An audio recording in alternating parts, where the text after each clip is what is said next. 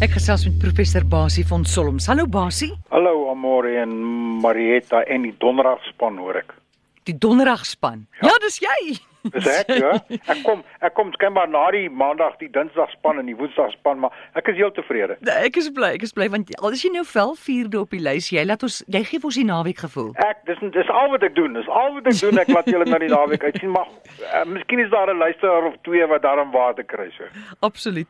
Da uh, Basie, verduidelik ons hoe werk hierdie storie van sekere mense is maar bietjie skepties dat jy 'n uh, bankrekening kan oopmaak met 'n selfie. Dit is 'n interessante ontwikkeling. Ek het 'n uh, bietjie opgelees daarna en dit 12 en 'n half saam met 'n kollega bietjie probeer. Ek dink dit is 'n baie innoverende tegnologie. Uh en basies kom dit daarop neer dat jy weet as mens normaalweg 'n bankrekening oopmaak dan moet jy bewys van adres hê in jou uh munisipaliteitsrekening wat jy by die huis vergeet het en al sulke tipe dinge. Nou wat hier gebeur is jy jy laai die betrokke bank se toepassing af op jou slimfoon en dan aktiveer jy die uh, toepassing en dan gaan jy deur 'n klomp dinge en jy gee vir hom jou jou identiteitsnommer en al sulke tipe dinge ensovoorts. En dan op 'n stadium dan stuur hy nou vir jou wagwoorde om net bietjie die sekerheid af te forceer maar hy stuur dit na die na die toepassing self toe. Daar's nie 'n selfoon betrokke of 'n selfoonnommer wat onderskep kan word of wat ook al nie. En dan moet jy nou op 'n stadium hierdie selfie neem 'n foto terwyl jy nou in die bank se toepassing is, dan neem jy die, die foto, dan vat hulle daai foto want hulle weet nou nog nie wie jy is nie. Onthou hulle het jou ID-nommer en hulle het jou selfoonnommer ensovoorts, maar hulle weet nie of die ID-nommer nou aan jou behoort nie. Dan vat hulle nou hierdie selfie en hulle stuur dit vir die departement van binnelandse sake. Nou die departement van binnelandse sake het aan beginsel elkeen van ons in hierdie land se foto en vingerafdrukke en al sulke tipe dinge het hulle op rekord. Dan deur middel van rekenaar algoritmes word die selfie wat jy nou gestuur het vergelyk met die foto wat binnelandse sake op rekord het van jou en hulle hulle het natuurlik ook jou ID-nommer. So hulle sê ja, hierdie ID-nommer behoort aan hierdie foto en die foto wat jy nou vir ons gestuur het is dieselfde foto of hy korreleer met die foto wat ons het. So ja, dit is Kippie uh se foto hierdie. Nou sê die bank goed, ons het jou geïdentifiseer uh en en die die die nommer nou is hulle tevrede nou weet hulle dis jy. Jou dis jou foto is jy. Nou die volgende ding wat jy nou moet doen heel waarskynlik ek weet nie ek kon nie agter daai tegnologie kom nie heel waarskynlik stuur die uh totomate stuur hulle ook vir die vingerafdrukke dat jy of dat hulle toegang het tot die vingerafdrukke. Nou sê hulle vir jou goed nou wil ons weet waar jy bly. Want dit is nou deel van die hele fika proses jy moet jy moet kan sê wat die adres is. Nou sê hulle vir jou tik in jou adres Jy tik jou adres nou, jy's nog altyd binne in die bank se se toepassing. Dan sê hy vir jou goed, hy gaan soek dit self nou op met Google Maps en hy sê vir jou, "Oké, okay, die adres wat ek nou wat jy ingetik het is by hierdie plek. Bevestig dit." Nou bevestig jy dit. Nou vra mens dadelik, "Hoe gaan hulle nou weet dat jy nou nie 'n vals adres ingesit het nie?" Maar die ding werk bietjie slim. Op 'n stadium moet jy nou 'n produk kies. Jy moet sê, "Wil ek 'n kredietkaart hê of wil ek 'n debietkaart hê of wil ek dit hê of ek dat hê of wat ook al?" En nou kies jy daai produk en en dit dink ek is die manier hoe hulle uitvind of jy wel by daai adres lewer. Dit bly want daai produk gaan nou afgelewer word by die adres wat jy ingetik het en wat hulle nou wat jy gekorreleer het op Google Maps. So uh die ding en hulle sê die bank sê hulle het baie ure en baie mannekrag en vrouekrag en en breinkrag ingesit om die sekerheid van die stelsel te bevestig en en daaroor het ek nou nie twyfel nie. So hy hulle sal nie so 'n produk uitrol as hy nie baie veilig is nie. Uh, die enigste vraag wat ek myself begin afvra hier is het ek vir binnelandse sake toestemming gegee dat hulle vir die bank kan sê dis ek. Nou weet ons banke gebruik al baie lank al kontak met binnelandse sake. As jy byvoorbeeld by 'n bank ingaan en jy moet 'n vingerafdruk gee, dan word daai vingerafdruk wat jy in die bank gee, word vir binnelandse sake gestuur en binnelandse sake sê ja, dit is Kippie wat nou hier voor jou by die by die tellertoonbank staan. So dis weer eens 'n gebruik waar ek my inligting aanvanklik vir binnelandse sake gegee het, maar in die tussentyd het hulle dit nou begin beskikbaar stel aan banke en wat ook al. Maar ek dink tog dis 'n innoverende uh manier van uh vinniger kliëntediens verskaf. Basie, vertel ons hoe kan ons die hof vir klein sake gebruik om selfvermaatskappye en banke te konfronteer? Wel, uh, dis 'n baie interessante vraag en ek dink ek dink ons as luisteraars in uh, besef nie heeltemal wat die waarde altyd is van die klein sakehof nie. Onthou, die klein sakehof is 'n plek waar jy 'n saak kan gemaak teen iemand tot 'n maksimum van R15000 eenmalig en by enige landroskantoor. So in die kleinste dorpie waar ook al waar daar 'n landroskantoor is, kan jy gaan sê, hoorie, hierdie selfoonmaatskappy trek nou al vir die afgelope 5 maande hierdie bedrag van my rekening af. Dit is nie my geld nie. Ek het al hoeveel e-posse gestuur en gebel en gewat ook al, hmm. hulle reageer nie.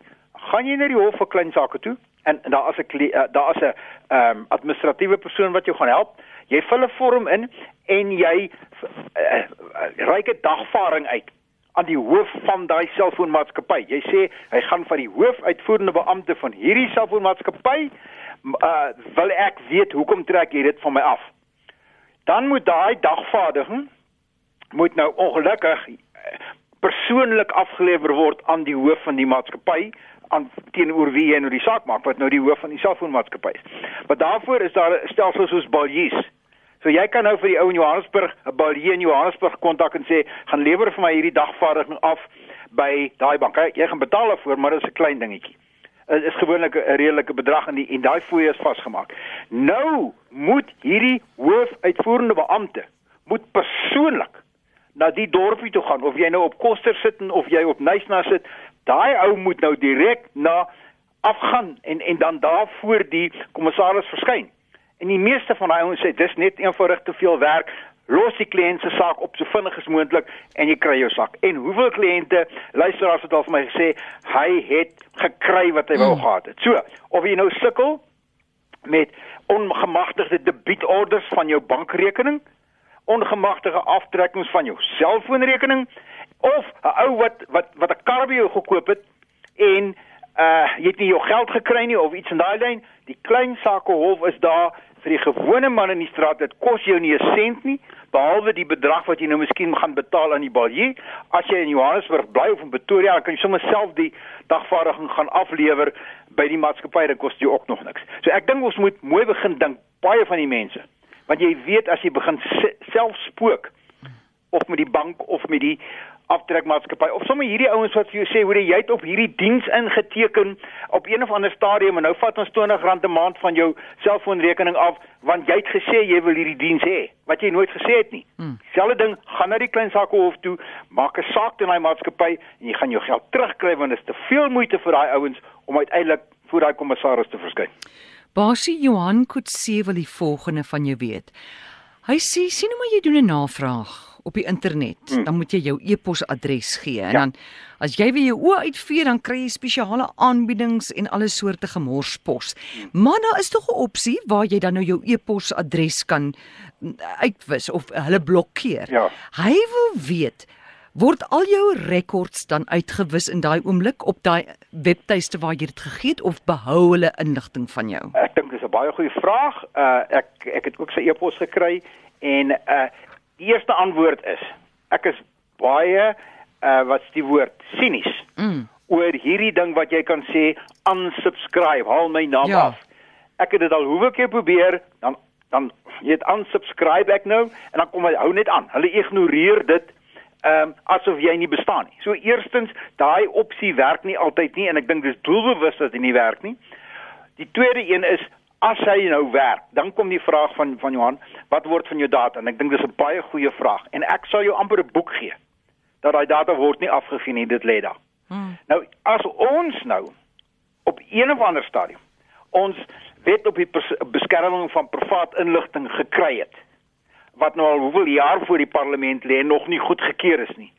Daar in daai wet word daar allerlei strenger beheer oor privaat inligting uitgeskryf waarin jy dan amper nou weer na die uh uh, uh na die klein sake hof toe kan gaan. En gaan sê ek maak 'n saak nou, soos wat ons nou bespreek het, teen hierdie ma hierdie maatskappy wat almekaar vir my hierdie gemors postuur en en jy rig 'n dagvaarding aan hom.